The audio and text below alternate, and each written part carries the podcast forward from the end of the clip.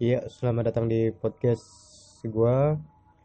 Kenalin nama gua Refdi Ferdiansyah, umur gua baru 20 tahun dan gue sekarang sedang menjalani kuliah di salah satu universitas di Jawa Tengah.